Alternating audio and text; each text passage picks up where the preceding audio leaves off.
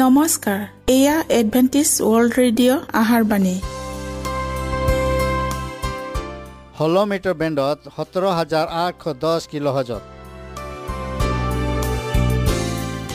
Adventist world radio যোগে অসমীয়া ভাষাত প্ৰচাৰিত আহাৰবাণী প্ৰত্যেক বুধবাৰ আৰু দেওবাৰ সন্ধিয়া সাত বজাত আহাৰবাণী শুনাৰ পিছত আপোনালোকৰ কিবা মন্তব্য আৰু প্ৰশ্ন থাকিলে আমালৈ এই ঠিকনাত লিখক। আমাৰ ঠিকনাটি হৈছে Adventist World Radio' Seven Day Adventist মণ্ডলী অসম শাখা লতাকাটা বশিষ্ট গুৱাহাটী সাত আঠ এক শূন্য দুই ন।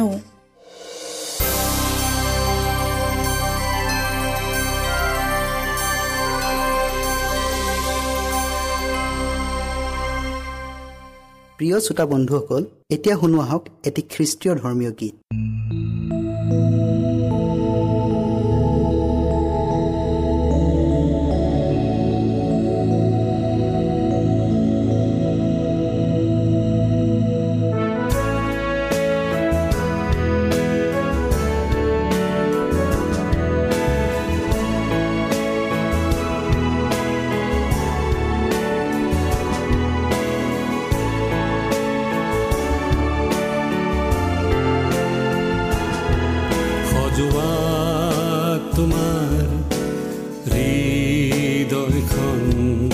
সজোৱা তোমাৰ হৃদয়খন যিচুৰ প্ৰেমেৰে যিচুৰ বাক্যেৰে যিচুৰ প্ৰেমেৰে যিচুৰ বাক্যেৰে সজোৱা তোমাৰ হৃদয়খন সজোৱা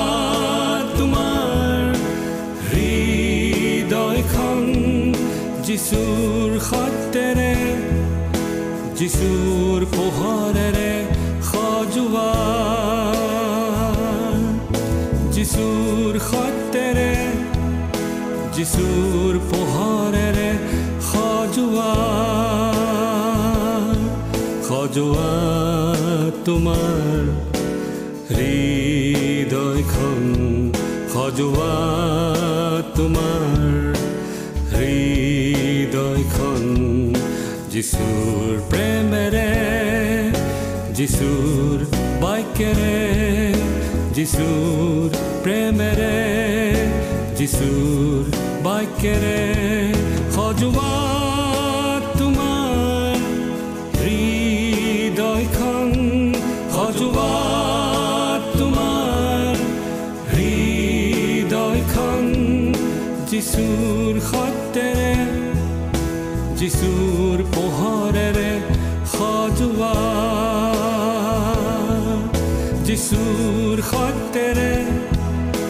যিচুৰ পোহৰেৰে সজোৱা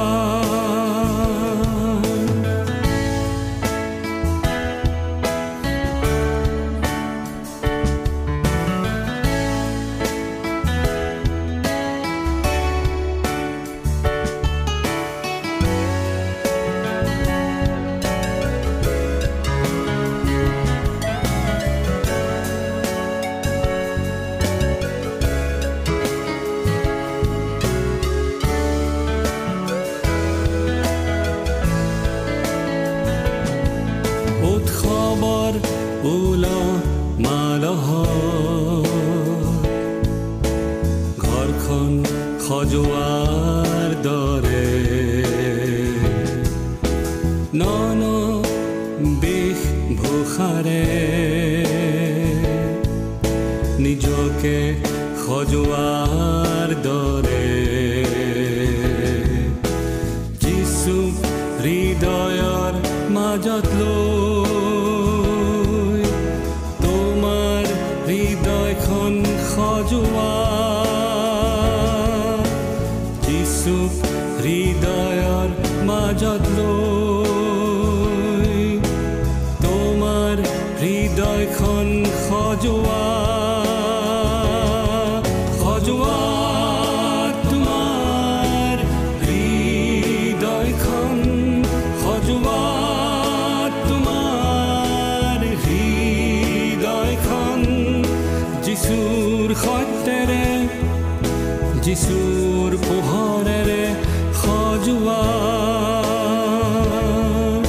যিচুৰ সত্যেৰে যিচুৰ পোহৰেৰে সজোৱা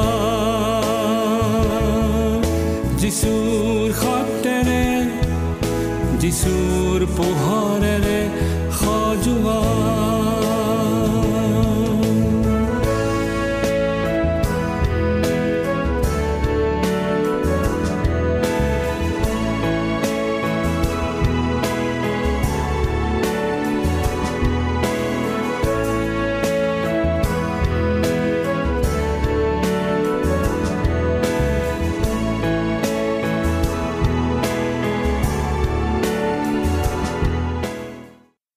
প্ৰিয় শ্ৰোতা বন্ধুসকল আহক আমি খন্তেক সময় বাইবেল অধ্যয়ন কৰোঁ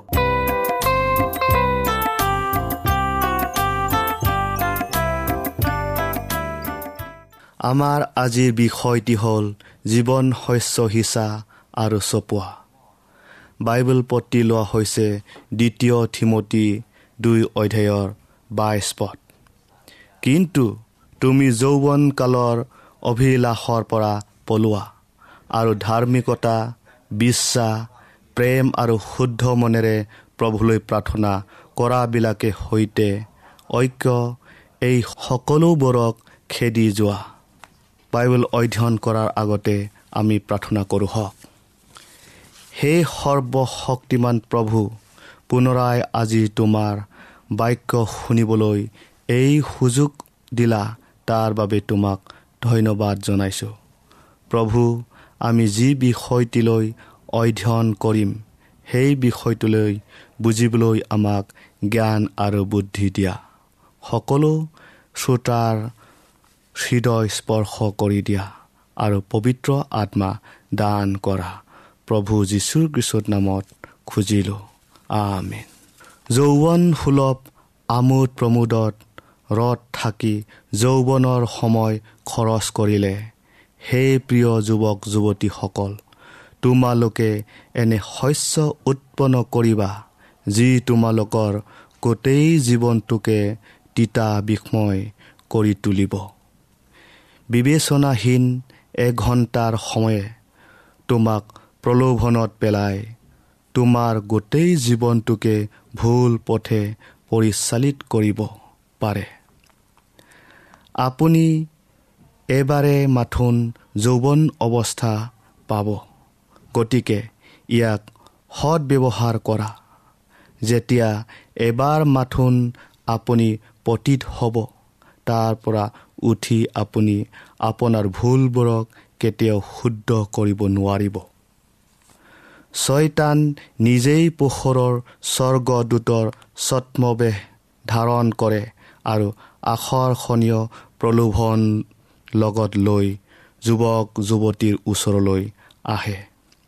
আৰু সিহঁতৰ মুখ্য কৰ্তব্যৰ পৰা লাহে লাহে সিহঁতক আঁতৰাই আনে। তাক এজন অভিযুক্তা এজন ঠগবাজি এজন মিছলীয়া এজন তাৰণাকাৰী আৰু এজন নৰবধি হিচাপে বৰ্ণনা কৰা হৈছে। আপোনাক প্ৰলোভিত কৰি ফাণ্ডত পেলোৱাটোৱে ছয়তানৰ কাম। কিন্তু আপোনাৰ কাম হৈছে আপুনি যাতে নিজকে সমৰ্পণ কৰে। আপোনাক বল প্ৰয়োগ কৰি পৰীক্ষাত পেলাবলৈ ছয়তানৰ কোনো শক্তি নাই। জবৰদস্তি কৰি ছয়তানে আপোনাক পাপ কৰাব নোৱাৰে। কিন্তু মনত ৰাখিব পাপক চল নিদিব।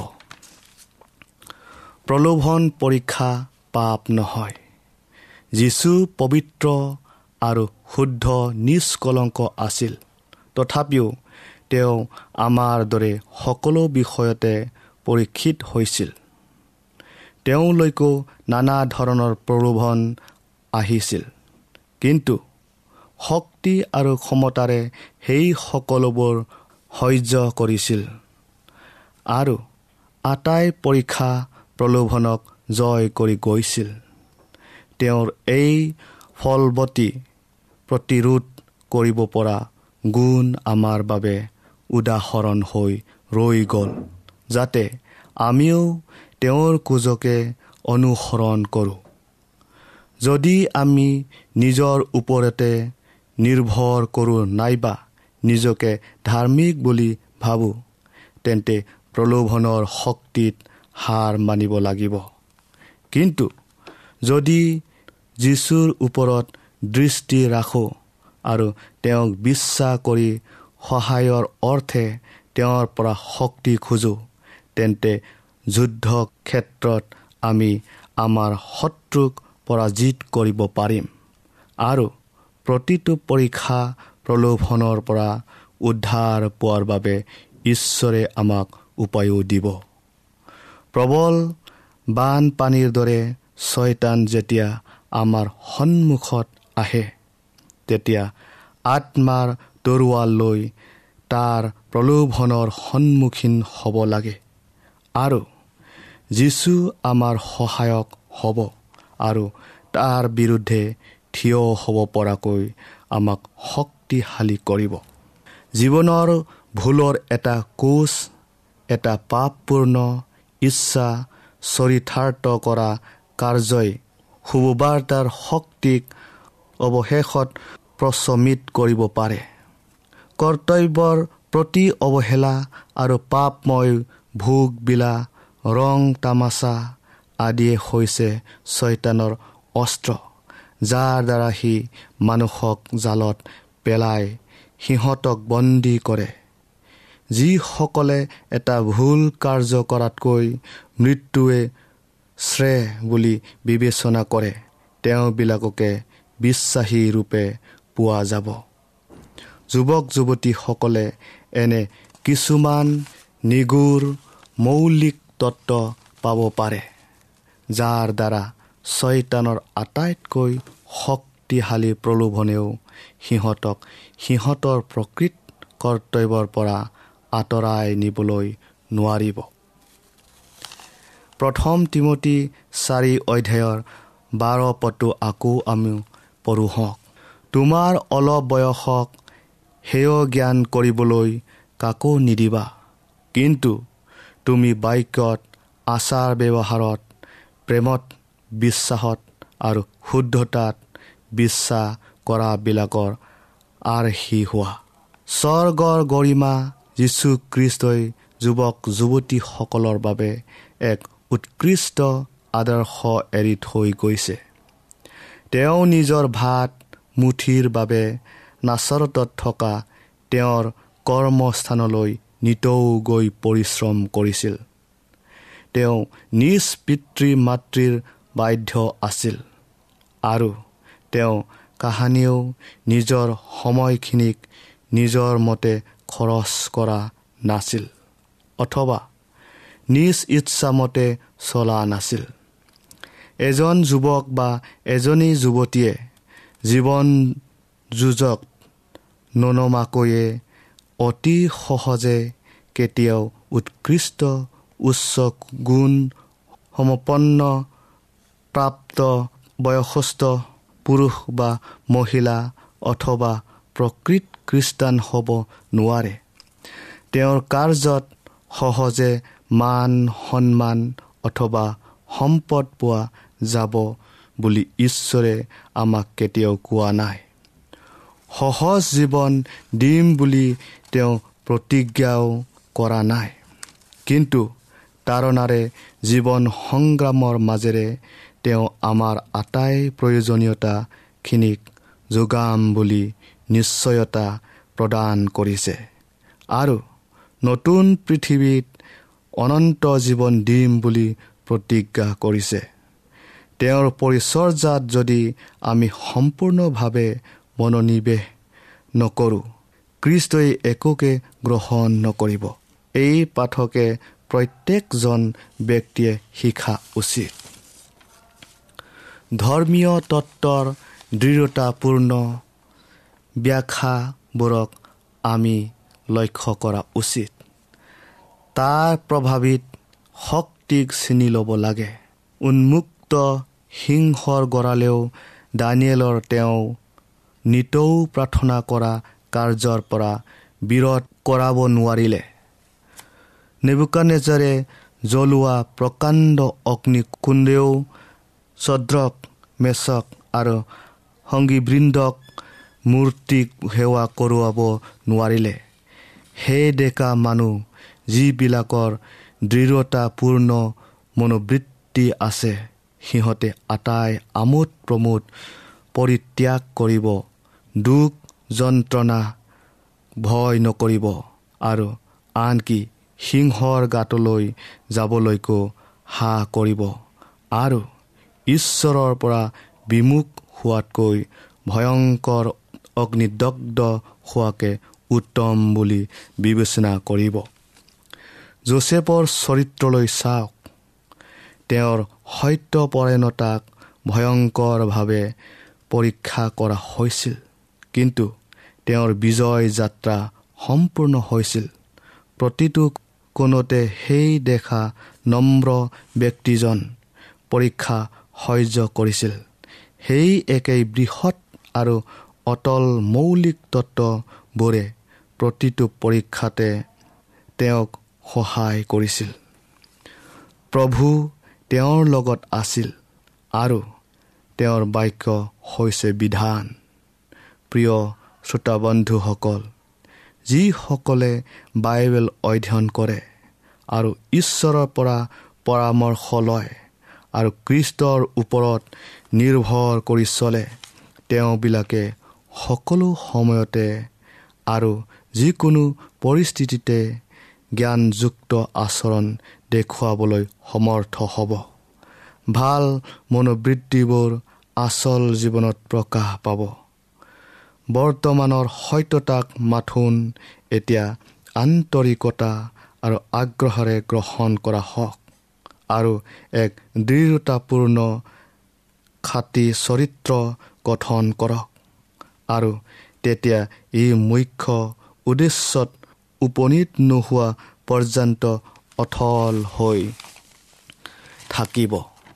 যেতিয়া সেই চৰিত্ৰই আৰু ভোগবিলাসৰ প্ৰলোভনৰ প্ৰতি আকৰ্ষিত নহ'ব পৰম্পৰাগতভাৱে চলি অহা ৰীতি নীতি অথবা অভ্যাসবোৰত চঞ্চল নহ'ব।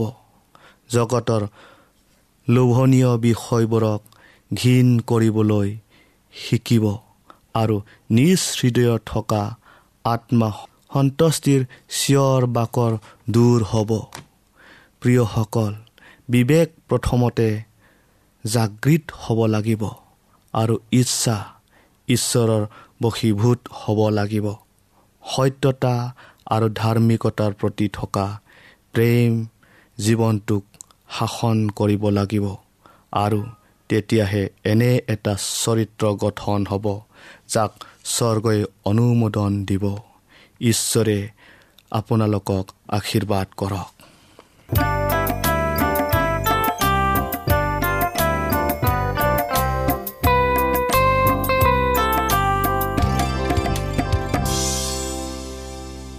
ইমানপুৰে আমি বাইবেল অধ্যয়ন কৰিলোঁ। এতিয়া আকৌ শুনো আহক এটি খ্ৰীষ্টীয় ধৰ্মীয় গীত।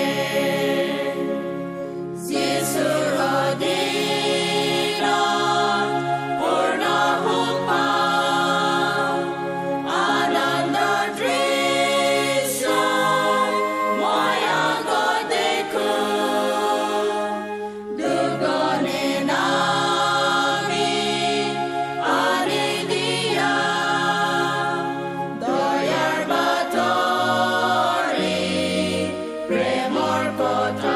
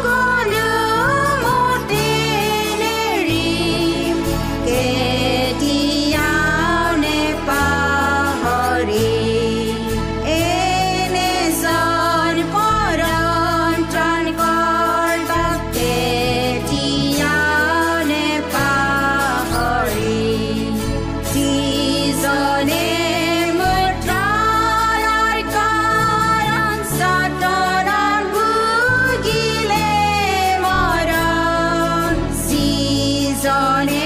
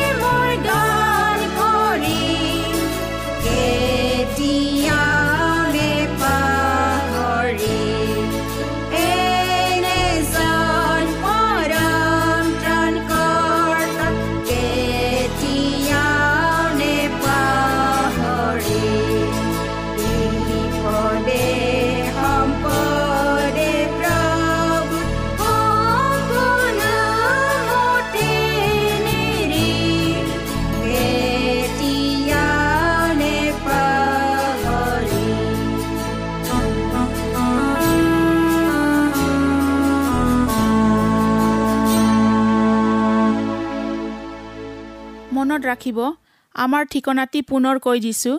Adventist World Radio' Assam region of Seven Day Adventist Voice of Hope Latakata Basistha Guwahati seven eight one zero' two nine প্ৰিয় শ্ৰোতা বন্ধুসকল এডভেণ্টিজ ৱৰ্ল্ড ৰেডিঅ' যোগে আহাৰবাণী প্ৰচাৰত আপোনালোকক পুনৰ লগ পোৱাৰ আহাৰে আজিলৈ সামৰিলোঁ। ধন্যবাদ।